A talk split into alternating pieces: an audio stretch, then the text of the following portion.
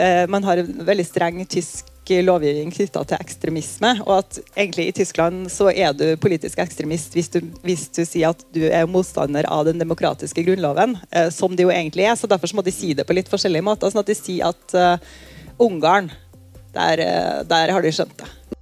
Tyskland opplever djup politisk polarisering etter flyktningekrisen i 2015, da landet tok imot en million flyktninger. Samme år starta framgangen for partiet AFD, og i 2020 var ifølge politiet høyreekstremisme blitt den største trusselen mot tryggheten i landet. Hva er det egentlig som skjer i Tyskland? Journalist og historiker Astrid Sverresdotter Dypvik er aktuell med boka 'Det mørke Tyskland', ei reise blant høyreekstremister. Hun blir intervjua av journalist Tom Hetland. Dette er et opptak fra Kapittelfestivalen i 2021. Jeg vet ikke om vi skal si det er ærefullt å få avslutta 562 dager med pandemi med denne siste timen før dere kan springe ut i sola og klemme hverandre. Men uh, iallfall det mørke Tyskland og Astrid uh, Sverresdotter Dypvik. Uh, du er historiker. Du er journalist, har jobba i uh, Morgenbladet dag og tid Nasjon, og nå er du redaktør i det framifrå tidsskriftet Syn og Segn. Og så har du gitt ut to bøker om Tyskland fra før. Den ene med den fantastiske tittelen 'Det var DDR'. Og Berliner-historier. Hvorfor, hvorfor den interessen for Tyskland? Ja, det, det, er jo et godt uh, spørsmål. Uh, det egentlig starta nok fordi at uh, jeg, faren min er tysklærer. Han var tysklærer da han jobba. Og mens jeg var barn, så innbilte han meg at Men Astrid, alle sammen er nødt til å kunne snakke tysk. Det, det, så, sånn er det bare. og jeg var litt sånn slurvete da, med å gjøre tysklekser. Så jeg, da jeg var ferdig på videregående, så kunne jeg faktisk ikke snakke tysk. Eh, og så flytta jeg til Tyskland for å lære meg tysk. Eh, og senere så altså ble jeg bare veldig interessert, for det, er jo et land en veldig interessant historie. Og så tenkte jeg skulle lære meg enda litt mer tysk, og siden har det egentlig bare fortsatt. da. Det er iallfall veldig bra at vi i et land med ca. en million USA-eksperter òg har noen som er, kan kalle seg tysklandskjennere. Kan kanskje avslutte med å snakke litt om valget i Tyskland. Men, men altså det, det, er da det som du kaller for det mørke Tyskland. Og denne, dette omslaget her er jo passelig skummelt, da. Det er jo ikke tvil om at alt som har med høyreekstremisme og Tyskland å gjøre, vekker helt spesielt uhyggelige assosiasjoner. Men kan kanskje begynne å snakke om litt litt om hvem, hvem er de egentlig? Altså, Skiller de tyske høyreekstremistene seg ifra tilsvarende i andre land? Ja, altså de har jo mange, mange fellestrekk eh, med altså, altså, jeg kan si det her eh, Høyreekstremister det, det starta egentlig med en interesse for det her eh, partiet Alternativ for Tyskland, som er et ytre høyreparti i, i, Tyskland. og De kom inn i forbundsdagen for fire år siden. og det, Da det skjedde, det var første gangen at et parti da på ytre høyrefløy fikk plass i forbundsdagen etter, eh, altså etter den andre verdenskrig. Eh, så det var jo et eh, stort politisk sjokk i Tyskland. og Det som var enda mer sjokkerende, var at de fikk over 90 representanter inn og ble da det største opposisjonspartiet i Tyskland. Så det er et sånn massivt sjokk. Eh, og her, eh, altså det er en veldig sånn, eh, sammensatt eh, bevegelse, da, eh, som delvis er høyreekstrem og delvis eh, ikke ekstrem. bare ytterliggående. men, altså, og Det som de har til felles med måte sånn, de fleste europeiske ytre høyrepartier, er jo at de er populistisk form, og at de legger veldig stor vekt på islam, da, altså kritikk av islam eller hat mot, mot muslimer. Er, eh, ja, og sånn hat mot innvandring eh, allment. Men det som er veldig sånn særtysk for Alternativ eh, for Tyskland, er jo at det er veldig sånn borgerlig forankra, og at, det, at man har en sånn egen intellektualistisk uh, tysk nasjonal tradisjon da, som er litt uh, Både knytta til um, en sånn sånn antimodernitet, da, der man har eh, altså Man ser på, ser på den nye tida som en slags undergang. Da, at man dyrker altså sånn antiurban, antimoderne, altså anti egentlig teknologi, antimoderne verdier. Uh, en sånn type del av det også. og Det her er jo mest knytta til den her ekstremistiske delen av, uh, av partiet. Uh, mange spør seg jo hvordan altså, Går det noen linje tilbake til nazipartiet her? Så, eller er det en helt ny type høyreekstremisme?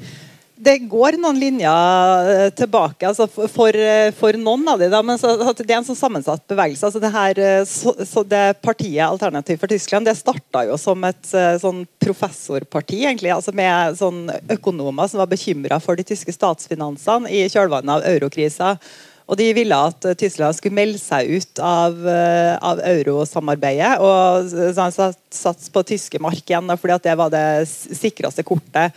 De var, det de frykta, var en sånn framtidig sammenbrudd der Tyskland var ansvarlig for det uansvarlige budsjetteringa til resten av, av, Europa. At de skulle være altså De som finansierer det uvettige styret i resten av Europa, var, var nemlig bekymring. Eh, men så senere så ble det da kuppa av en sånn her anti-innvandringsbølge som, eh, som oppsto etter denne flyktningkrisa i, i 2015. Eh, og så er det en del en sånn sterk egentlig tradisjon på ytre høyre i, i Tyskland som, som, har, som er, har vært litt knytta til, til partiet, partiet, CDU, men også litt sånn utafor der igjen. Da, som, som, har egentlig et uh, sånn, sånn, klart historisk bånd til uh, tida før, uh, før 45. Da. Og det er en sånn, altså, Man kaller det for altså, det nye Høyre. Eh, og, sånn, det, og, der er det det, det nye Høyre. Da, det er de som kom etter 1945. Da, og da er det en filosof som heter Armin Moler som, eh, han var en veldig begeistra nazist da, under krigen. En sveitser. Så han prøvde å verve seg til SS, da, for han syntes det var så flott at, uh, at Nazi-Tyskland gikk til angrep på Sovjetunionen. For han var sånn veldig sterk antikommunist. Etter krigen så skrev han en, eh, en doktoravhandling der han skrev om det han kalte den konservative revolusjon. Som, og det var en, Der han beskrev, beskrev en del sånn konservative tenkere fra, fra Weimar-tida. Blant annet han eh, eh, veldig kjent forfatter eh, Ernst Jünger. Og Thomas Mann var også en del av det her. og, og, og de, i eller Tidlig i Weimartida var begge de veldig konservative. og altså, de vil altså, Thomas Mann snudde jo veldig om, veldig om på det. Men, og at de var republikkfiendtlige. De ville jo ta Weimar-republikken. De ville ha altså, de var motstandere av demokratiet. Altså, de mente at uh, Tyskland var en sånn annen fellesskap da, som ikke passa for, eh, for, moderne demokrati. Eh, og, de, her, eh, og de, altså, de, var en del av det her strømdraget som knekte Weimar-republikken, og som var med på å føre Hitler til makta. Men mange av de som var knytta til den konservative revolusjonen, de var ikke altså, det var et NSDAP-folk, men det var på en måte i, i det samme landskapet. Og det Armin Moller, altså Hensikten med hans doktoravhandling var å frikjenne denne delen eh, altså de her tankene og så løsrive de fra den tapte krigen, som ingen ville bli assosiert med. Og, og, så, og gjenreise en sånn ny høyreside som har egentlig veldig mye av det samme demokratifiendtlige og rasistiske innholdet som den gamle høyresida, men at du da slipper å stå, stå ansvarlig for Hitler og krigen hans, da, som jo er litt vanskelig å svare for. Men, men, men hva, hva, er det viktigste de vil uh, i, i, Tyskland i dag? Uh, altså, de her Neue Rechte altså, det er vel at de er, altså, de er anti, ideologiske antidemokrater. Da. De syns at, uh, at man, altså, folkestyre og parlamentering Diktatur, altså? igjen? Ja, altså, de, de, de, sier jo ikke det, da. Altså, altså, men, man er veldig sånn altså, man, kan ikke, man kan ikke si det rett ut. Og det har litt med tysk, eh, tysk lovgivning å gjøre også, fordi at man, eh, man har en veldig streng tysk lovgivning knytta til ekstremisme. Og at egentlig i Tyskland så er du politisk ekstremist hvis du, hvis du sier at du er motstander av den demokratiske grunnloven, eh, som det jo egentlig er. Så derfor må de si det på litt forskjellige måter. sånn at de sier at Ungarn. Der, eh, der har de skjønt det. Mm. Eller, eh, eller da som eh, lederen for det her ungdomspartiet til AFD sa før sommeren, han, han sa at eh, Kina det her er framtidas stat. Sånn som, vi, sånn som vi holder på i Tyskland, er bare så ineffektivt. og han, han ble faktisk kasta, fordi at uh, det er en sånn Han var for Neue rekte Men det, det, det du sier nå, bekrefter jo egentlig det inntrykket som en kan ha når en ser uh, opp, innslaget fra disse demonstrasjonene eh, der AFD og Pegida og, er, er med, men der det egentlig er en blanding av hummer og kanari. Og nå hadde vel Klassekampen i går eh, var det vel et eh, en reportasje om et nytt parti som kaller seg for, for De Basis, der, der konspirasjonsteorier og vaksinemotstand er, er helt sentralt. Og, og, og som tar velgere både fra, fra høyresida og venstresida. Altså, det, det, det, er jo litt, litt forvirrende, dette. Eh, krefter som egentlig finner sammen. Mm. Eh, og at det, at de er litt sånn uten retning. Da. Men det som, det som har uh, vist seg i Tyskland som, som, altså det, det, er jo sånn at uh, hvis at samfunnet egentlig hvis det egentlig hersker veldig stor enighet i samfunnet, at veldig mange er på midten, så gjør det at du får sånn oppblomstring i ytterkantene. Og Tyskland har jo de åtte siste årene hatt en regjering som er en sånn såkalt storkoalisjon. Altså der de, som, de konservative har samarbeid med sosialdemokratene. Eh, og alle sammen har holdt seg til en sånn sentrums, eh, sentrumskurs. altså Sosialdemokratene har vært sentrumsorientert, og kristendemokratene har vært sentrumsorientert. og da er det på en måte den, sånn, den brede fornuften da, er, altså Det er jo det som styrer Tyskland. Men, eh, Sentrumsekstremistene ja. høyreekstremistene, altså? Ja, ja, at, ja altså, at, det skaper en sånn mm. raseri eller utenforskap hos, sånn, i ytterkantene. Eh, og at det er en eh, altså, det er en sterk understrøm i samfunnet som er altså, og det, mis, altså, det er en sånn eh, misnøye med mange forskjellige ting. egentlig, altså Det kan være misnøye med altså bare mistillit til, til, myndighetene, eller at man er fremmedfiendtlig. Og så mener man at, eh, at uh, sånn, det, politisk korrektheten styrer landet, og at vi får ikke lov å si sånn og sånn. Eller at de har lyst på å gjenreise Tyskland på en litt sånn svulstig, gammeldags mm. måte. Og så mener de at Angela Merkel er for svak og for europeisk orientert. Eller, eller det her så den Vaksineskepsisen i Tyskland er jo helt, eh, er jo helt enorm. og det har eh, altså Etter at koronapandemien slo inn, så har jo også mm, sånne her falske nyheter og så, ja, konspirasjonsteorier eksplodert. Altså, det fantes veldig mye av det fra før. Altså, da jeg jobba med boka mi, så ble jeg jo veldig oppmerksom på det store vellet av sånne alternativ, sånne alternativmedier, så nettmedier, som mm altså, Den gangen handla det veldig mye om problemet med islam, problemet med muslimer, problemet med innvandring. Mm. Eh, og kriminalitet utført av personer som ikke hadde etnisk tysk eh, opphav. Det, den type ting. Og, altså, det var blanda, blanding av fakta og fiksjon. Mm. Og, men, altså, sånn, men, og, men mm. det her har liksom det kommet til et nytt element, da, som er de her uh, helseskeptikerne. Mm. Altså, da er det jo altså, en ganske stor gruppe med folk som har frigjort seg på en måte fra den vanlige nyhetsstrømmen, og som faktisk ikke stoler på noe som helst som kommer fra, fra myndighetene. Nei, for, altså, forskjellige alternativbevegelser altså, Grønne og, og på venstresida har jo òg lenge stått sterkt i, i, i Tyskland. Er det en del av det samme fenomenet? Altså, eh, på, altså, på venstresida er det jo også noen som ikke har overhodet noen tillit til, til, myndighetene. Og at det finnes eh, også i Tyskland også venstreekstremister som er egentlig er politisk voldelige, og som mener at den tyske staten egentlig heller ikke har noe legitimitet, eller burde styres på en, på en helt mm. annen måte.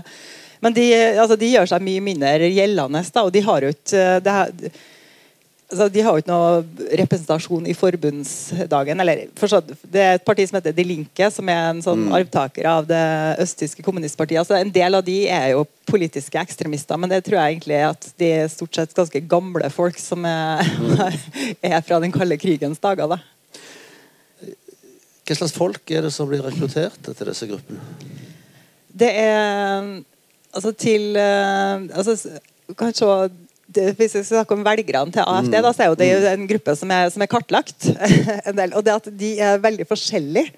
De er, det som er fremste kjennetegnet på dem, er jo at de er menn. Da. To tredjedeler er menn. Og nesten alle folkevalgte til AFD er menn. Eh, Så det er en mann, mannesak, da.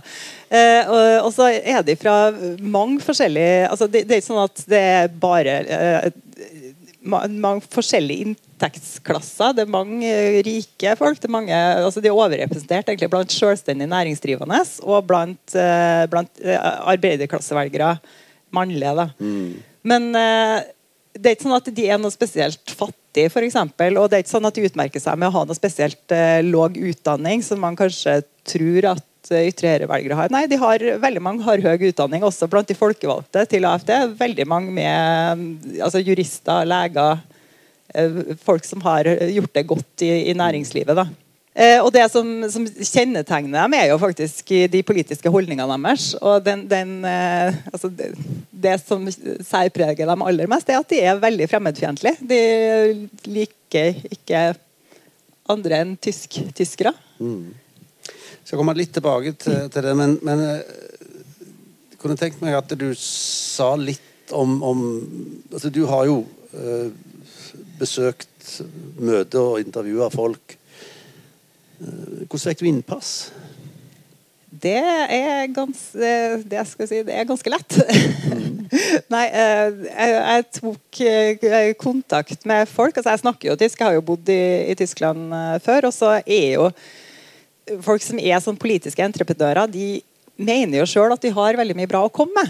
Eh, og de er oppmerksomhetssøkende folk.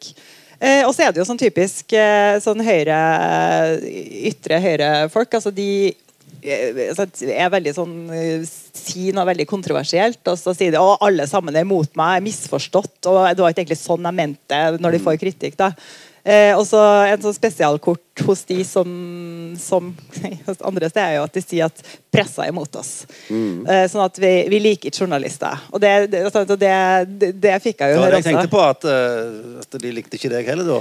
Nei, men det, så ble det sånn uh, Men eh, du virker grei, da. Så du, du, du kan få komme. At de, de liker jo journalister. De elsker jo journalister. Det er jo det beste de vet.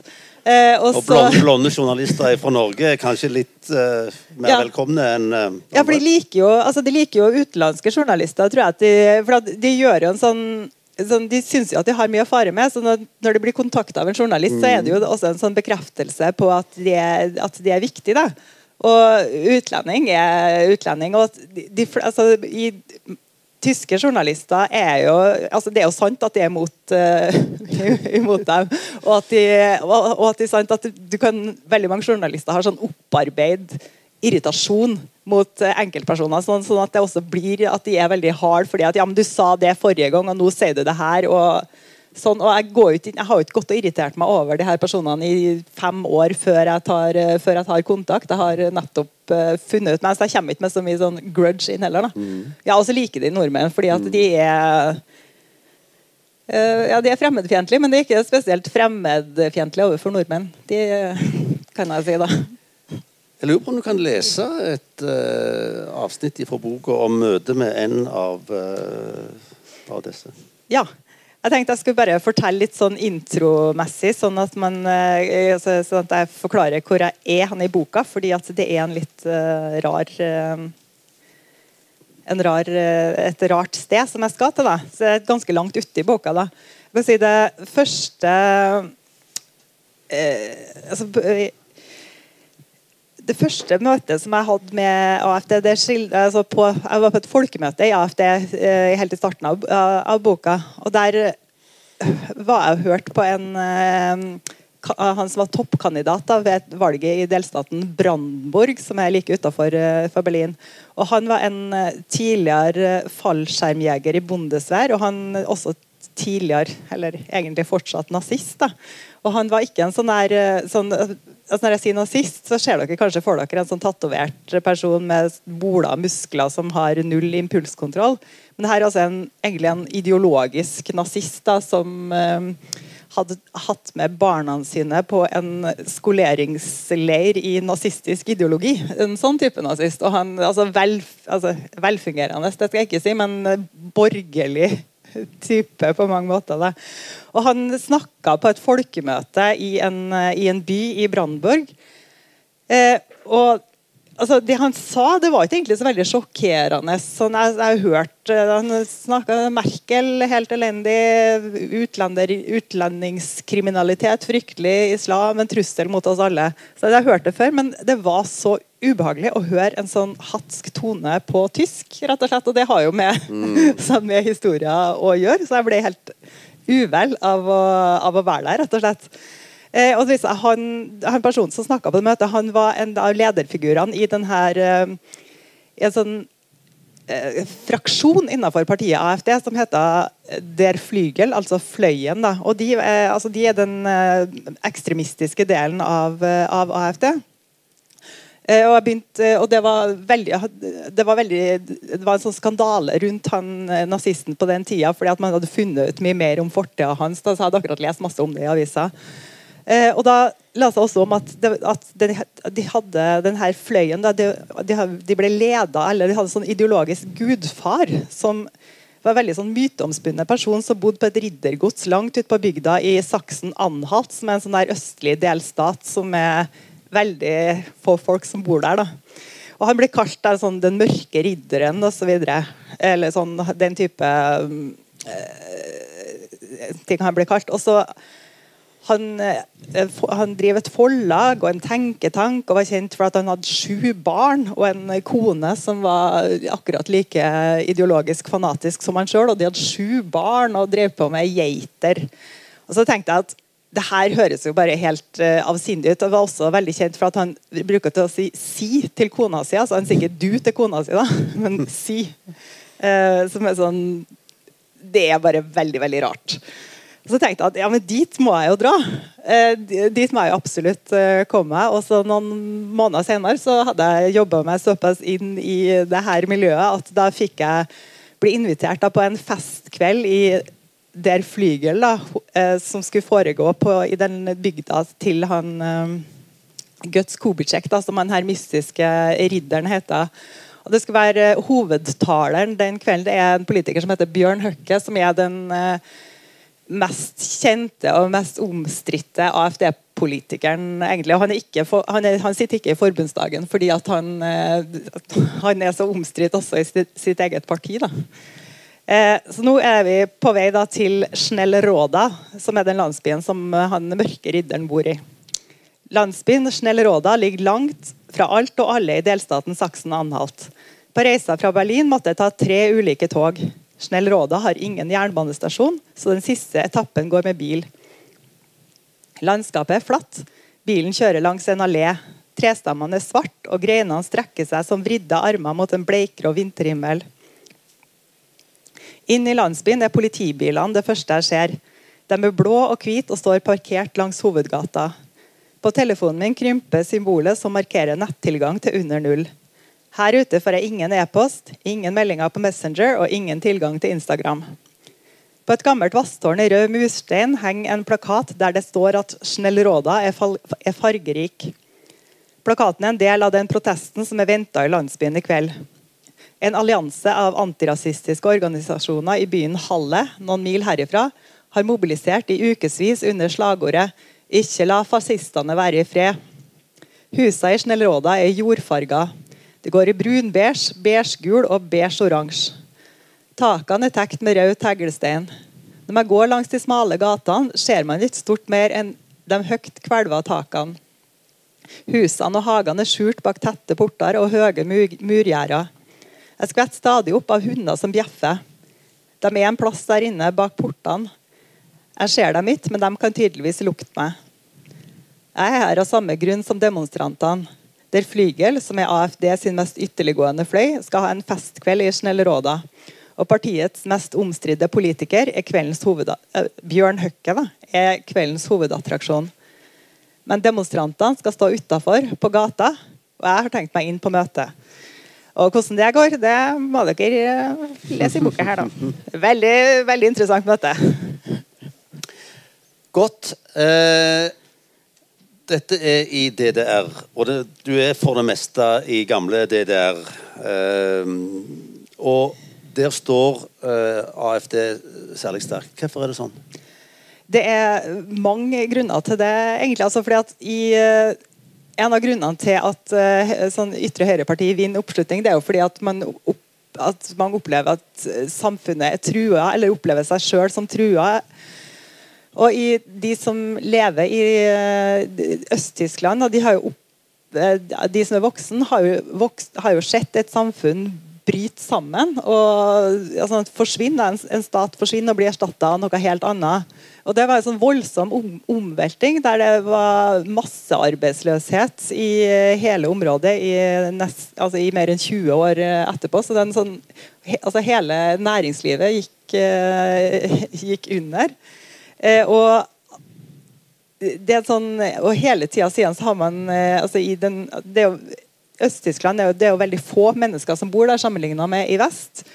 Og de har alltid siden fått hørt om altså Det er jo vesttyskerne som er sånn, de som kan alt. De, det er den vesttyske grunnlova som gjelder for Øst-Tyskland. Og de skulle læres opp i demokrati av sine vesttyske medborgere. og så det er alltid det er sånn at Vesttyskerne har rett fordi at de har kommer fra det velfungerende samfunnet med den gode økonomien. Mens Øst-Tyskland er Vi som har sitt Weissensee, har lært ja. litt om det, ja. ja.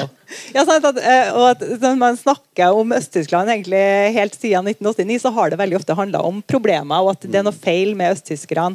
Og Det har også resultert i at eh, folk i Øst-Tyskland, altså flertallet av mener at de sjøl blir regna som annenrangs borgere av sine vesttyske medborgere. Så altså, det er et område med veldig mye frustrasjon, og et område som har opplevd veldig mye eh, ja, altså, harde tider, rett og slett. Eh, og så er det jo sånn mange som sier at nei, det skyldes uh, altså, Og de, de, er også mye mer rasistisk da, kan vi si, enn en vesttyskerne. Uh, og det er mange som sier at det, er fordi at de ikke tok noe oppgjør med andre verdenskrig på samme måte som de gjorde i Vest-Tyskland.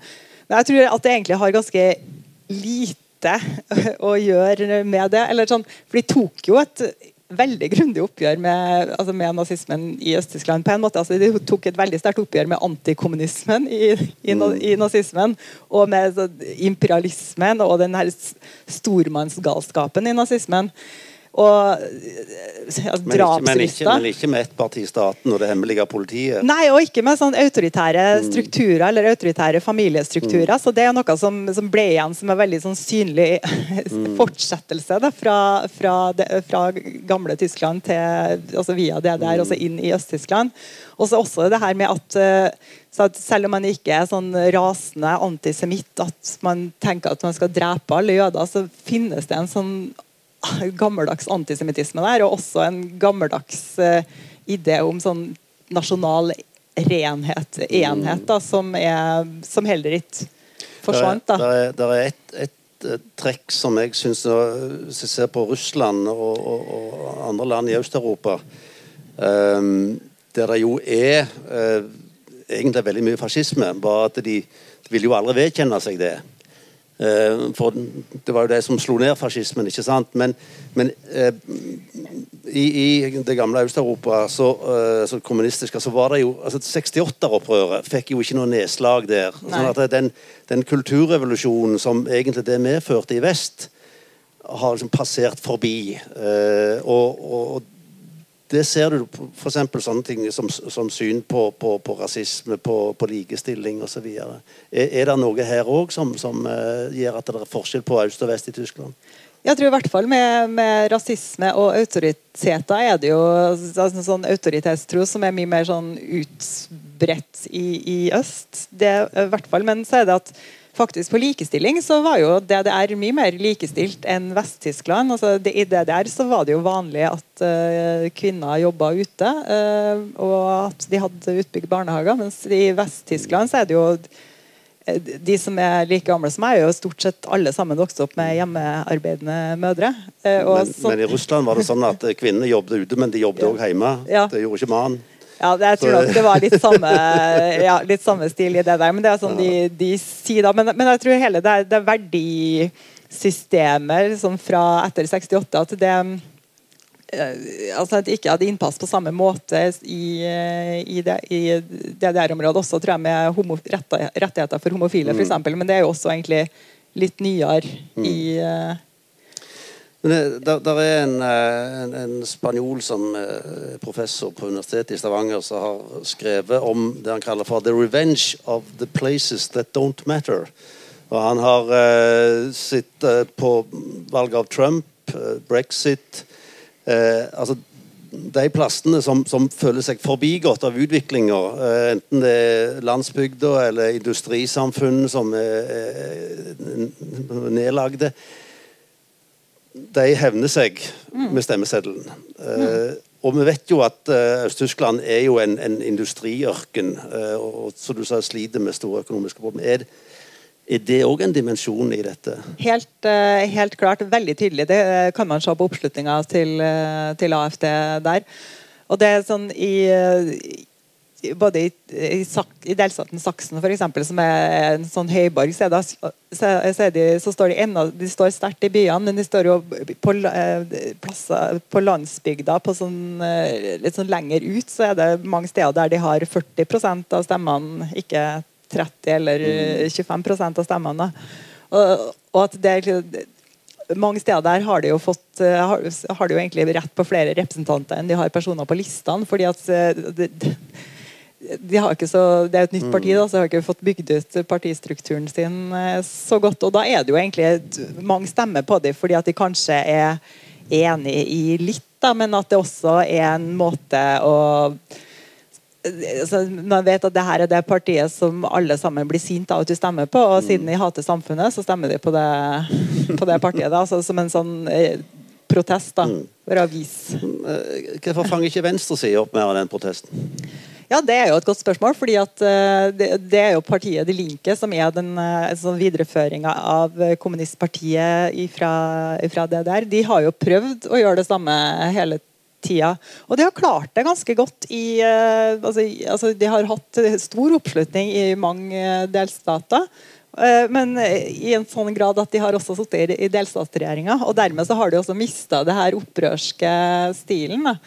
Men akkurat uh, i Saksen, som er det, mest folkerike av de østtyske delstatene, og som også er den mest økonomisk velstående østtyske delstaten, så er de bare veldig borgerlig orientert. Så der har de Linke aldri gjort det noe bra. Og der uh, altså, AFD er største eller nest største parti, og så er det det konservative partiet. sånn at altså at uh, høyre, Høyresida har langt over 50% av stemmene. Mm. Ja, bare sånn at uh, publikum får uh, bilde av dette. Altså, hvor, hvor, mange prosent får AFD i, i øst, og hvor mange prosent får de i vest?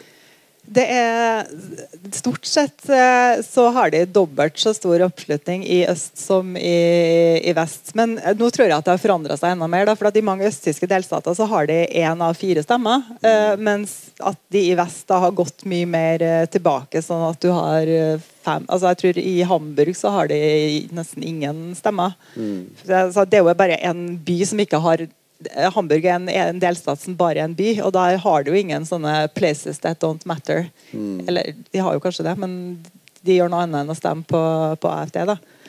Mm. Uh, men, men, det er litt sånn variert. Altså, så har de hatt f.eks en delstat som heter Baden-Wurtenberg, som er et sentrum for bilindustri. så det er Der Daimler-konsernet har sine, sine, største fabrikker. Veldig velstående katolsk delstat. og Der har de alltid hatt uh, veldig høy oppslutning. og Det skyldes ikke dårlig økonomi eller uh, nødvendigvis at de er så trua av samfunnsendringer. For det er et veldig konservativt samfunn. Og veldig mange av de personene som er ledende i, uh, altså i denne bevegelsen, det er jo ikke østtyskere, mm. det er vesttyskere. Og veldig mange kommer fra Baden-Würtemberg og er sånn katolikker fra vest. da. Men, men disse som er sinte i øst, de klarer altså å identifisere seg med, med lederne som kommer fra vest? altså. Ja, det er jo det som er litt rart. da. Fordi at uh, i, altså, i hele øst så er jo altså, De er jo styrt av vesttyskere. Ja, det har vært en sånn total utskifting av, av, av eliten. Altså, det, på, altså, i Avisredaktørene er vesttyskere, professorene på universitetet er vesttyskere, lederne i bedrifter er vesttyskere. Og lederne i fascistpartiet er stort sett også vesttyskere, gitt. Og de prøver altså de Det er bare Merkel som er fra øst. Nå forsvinner hun òg. det er Ja. unntaket. Det er veldig pussig. også, Og, og de uh, har faktisk drevet masse sånn uh, kamp, altså, sånn politisk kampanje eh, som, som egentlig var å si at nå skal vi ta de vende, altså, som er egentlig tyskerne sitt ord for det som skjedde i 1989. Eh, vi skal gjøre det igjen. Og det som, de, som, som det bildet egentlig skal si, da, det er at dagens Tyskland er en sånn urettsstat, en, ikke en god stat. Så vi må liksom overta staten og få til noe skikkelig her da, med, med alternativ for, for Tyskland. Så man prøver å si at det tyske demokratiet er ikke legitimt, og nå må vi, folket, gjøre opprør mot det her. da. Og så er det en bunch med vesttyskere da, som, som bruker den retorikken. Men det slo jo faktisk eh, ganske godt an. da. Men eh, du var inne på det for, for litt siden, at eh, Tyskland altså det, det er lett å på en måte bli definert som ekstremist i Tyskland. Og, og vi har jo denne debatten i Norden òg om, om meningskorridor, og som regel er det svenskene som får skylda for at de, de er så redde for å, å, å, å, diskutere f.eks. rasisme og, og, og, andre ting. Um, det, det, det er så lett å, bli definert som, som uh, utenfor. Eh, og, eh, og Tyskland har jo både som, formelt altså Det var vel ikke lov å gi ut Mein Kampf, f.eks., eh, på tyske forlag inntil nylig. Og høy sperregrense og, og eh, det å bli definert ut av det gode selskap blir du relativt lett. Tror du at det har ført til mer ekstremisme i Tyskland? Eh, og at eh, en mer si, åpen holdning for eh, mer ekstreme synspunkt egentlig hadde ført til mindre ekstremisme? Jeg tror det er veldig, veldig vanskelige spørsmål å svare på. fordi at du, Det er jo sånn kontrafaktisk. Og jeg, jeg kan si selv så ble jeg altså En av grunnene til at jeg hadde lyst til å jobbe med temaet, det var fordi at jeg syns at eh, jeg synes at det var veldig imponerende høy politisk bevissthet i Tyskland knytta til høyre, høyreekstremisme. Og at jeg syns at de altså, var gode til å konfrontere holdninger og til å sånn at de ikke la folk bare slenge ut ting. altså Det blir sagt ja, men hva, hva du mener med det her? Hva betyr det her egentlig? Eh, som jeg syns, eh, jeg det var positivt, for jeg syns det kanskje var litt sånn slapphet. Altså, I Norge så var det veldig mange som, som sier sånne ting som at ja, til at trollene slipper ut i sola, så sprekker de.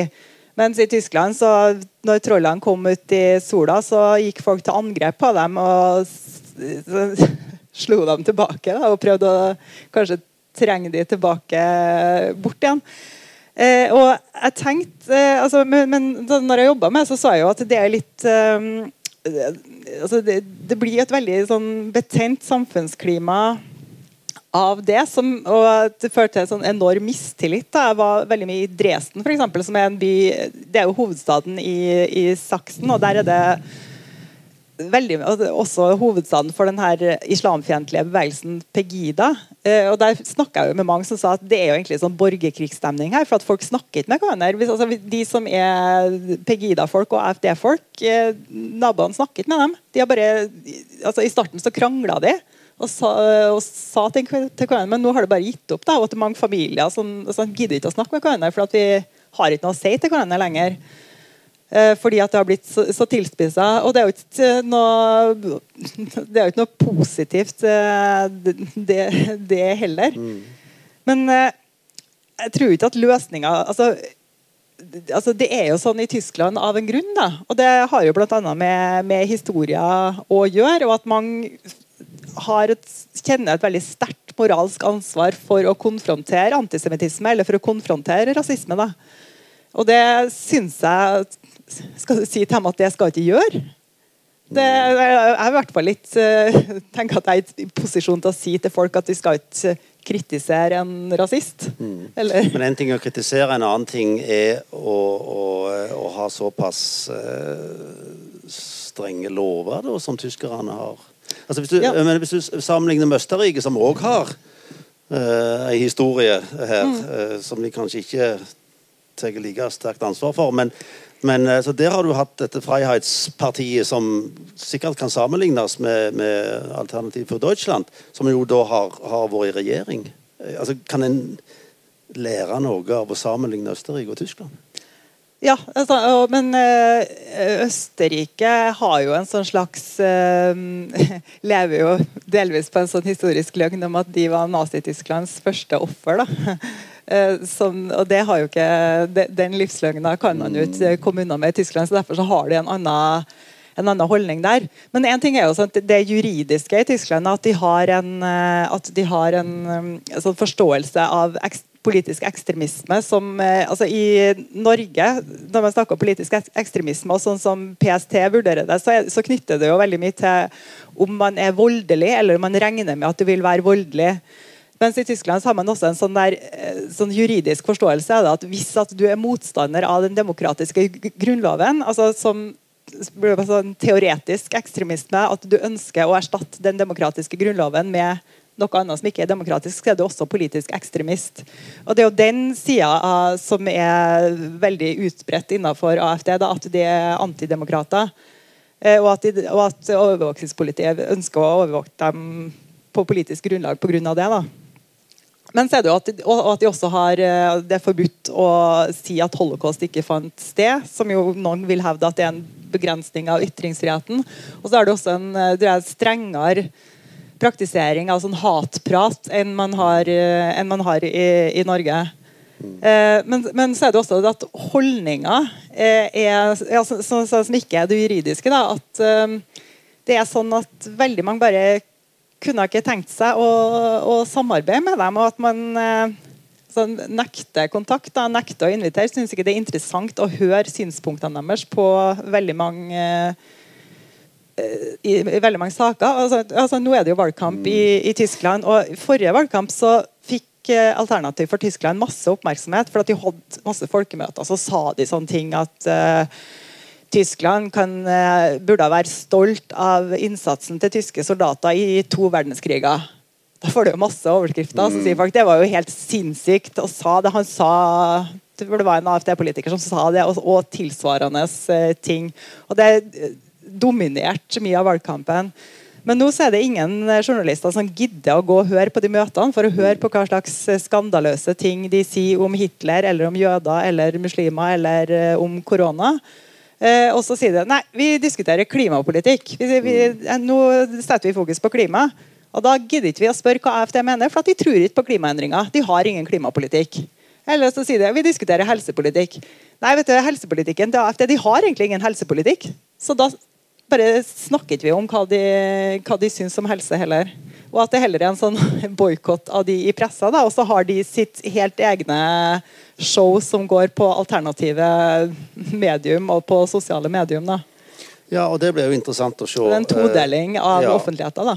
Uh, for uh, i morgen får vi jo svar på om det er en suksess eller ikke for, for, for AFD. At de, at de, da har sin, sitt, sitt eget på en måte univers. Mm.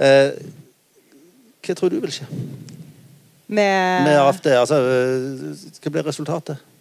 Altså på, på, så, på, nasjonale målinger så ligger det jo på 10% så det vil jo si at det er langt over, altså ser ut til å komme langt over sperregrensa, da, som er på, på 5 eh, de, vil gjøre, de, altså de vil gjøre et dårligere valg enn de gjorde, enn de gjorde sist, men fra øst så vil de jo få altså over 25% av stemmene i flere delstater. Men det som er flaks, er jo at det bor jo så lite folk i øst. Så det, så ikke, det gir ikke så mange forbundsdagsrepresentanter.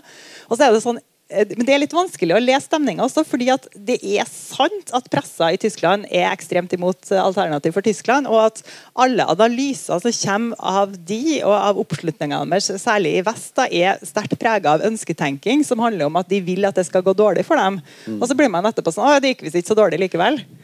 Eh, sånn at jeg eh, for Jeg har hørt veldig mange som sier at ja, de kommer til å ryke ut i masse vesttyske delstater. Og jeg er ikke sikker på det. altså. Mm. Og også fordi at veldig mange velgere faktisk ikke har bestemt seg for hvem de skal stemme på. Så alt kan skje. Eh, hvor stort potensial altså nå, det, det, er situasjonen nå, da. Men, men altså eh, Nå har det jo vært relativt stilt på innvandringsfronten. ikke sant? Og, og Hva slags potensial tror du eh, de høyreekstremistene i, i, i, i, Tyskland har? Er, det, er dette noe vi skal være veldig redde for? Det spørs på, på hvilken måte. Altså, jeg tror at sånn, I valg så tror jeg ikke at de har sjanse til å gjøre det noe særlig mye bedre enn de kommer til å gjøre det i, i valget nå på søndag. fordi at det er ikke så mange som, som har den holdninga som de har eh, egentlig. Men det som er sant, at det er en et, et, et, et sånn sterk struktur da, og veldig mange personer som, som jobber veldig intenst der. og de, altså, de er finansiert Eh, på altså masse anonyme pengegivere, eh, som er f.eks. rike redere fra Vest-Tyskland som er ultrakonservative. Så det er et ganske altså det er et eh, sterkt parti også, som altså Det de kan tjene på, er jo at altså, nye kaossituasjoner så vil de kunne komme inn i altså, og påvirke på den måten. Eh, og så er det jo også sånn at en del eh, en, altså sånn Understrøm her er jo også at det er masse sånne um, folk som egentlig drømmer om å begå, begå et slags statskupp, eller begå et statskupp i Tyskland. Eh, og ordne opp i den staten som de mener ikke fungerer. Og Man vet jo ikke hvor mange de er, men altså det, altså det er, siden uh, sikkerhetstjenesten har blitt mer oppmerksom på det, så har det jo altså man har funnet sånne nettverk innenfor politiet og innenfor, eh, innenfor militæret. da. Eh, og det er jo en sånn, I en sånn unntakssituasjon der, eh, altså der, man er trua på en annen måte, så vil det jo kunne gjøre seg gjeldende og, altså enten gjennom å skape kaos eller gjennom å forsøke å ta makta i, i Tyskland. Hva med terrorisme? Ja, altså Det er det jo et voldsomt altså det var jo Akkurat da jeg jobba med den boka, så var det jo veldig mye så, sånn terrorhendelser på kort tid. Eh, og, da er det jo enkeltpersoner som, som står bak, men de er alle sammen var jo også knytta til, eh, til ytre høyre. altså Enten en som var en aktiv nynazist, eh, og de andre var sånn storkonsumenter av sånn internettbasert altså at de opplevde seg som en del av sånn internettbasert hatfellesskap da, mot, mot utlendinger. og det, altså, sånne ting eh, vil altså, Det er jo vanskelig å forutse at det vil skje. da. Mm. Ja. Um, Tida vår er vel ute. Er det flere tysklandsbøker i vente fra deg? Jeg, jeg får se. Jeg skal i hvert fall skrive om en mer sånn hyggelig del av Tyskland hvis jeg skal skrive en eh, ny bok om Tyskland. Det er glade Tyskland. Det glade Tyskland. Ja. Ok. Det blir min neste bok. Det glade, fine Tyskland. Da, da, da venter vi med spenning på det glade Tyskland, og så går vi ut i det glade Stavanger. For nå er det tolv minutter igjen eh, til vi alle kan klemme hverandre og flytte sammen stolene og eh, leve heldigvis normalt igjen. Får håpe det varer. Tusen takk for at dere møtte opp. Tusen takk til Astrid. de verdad.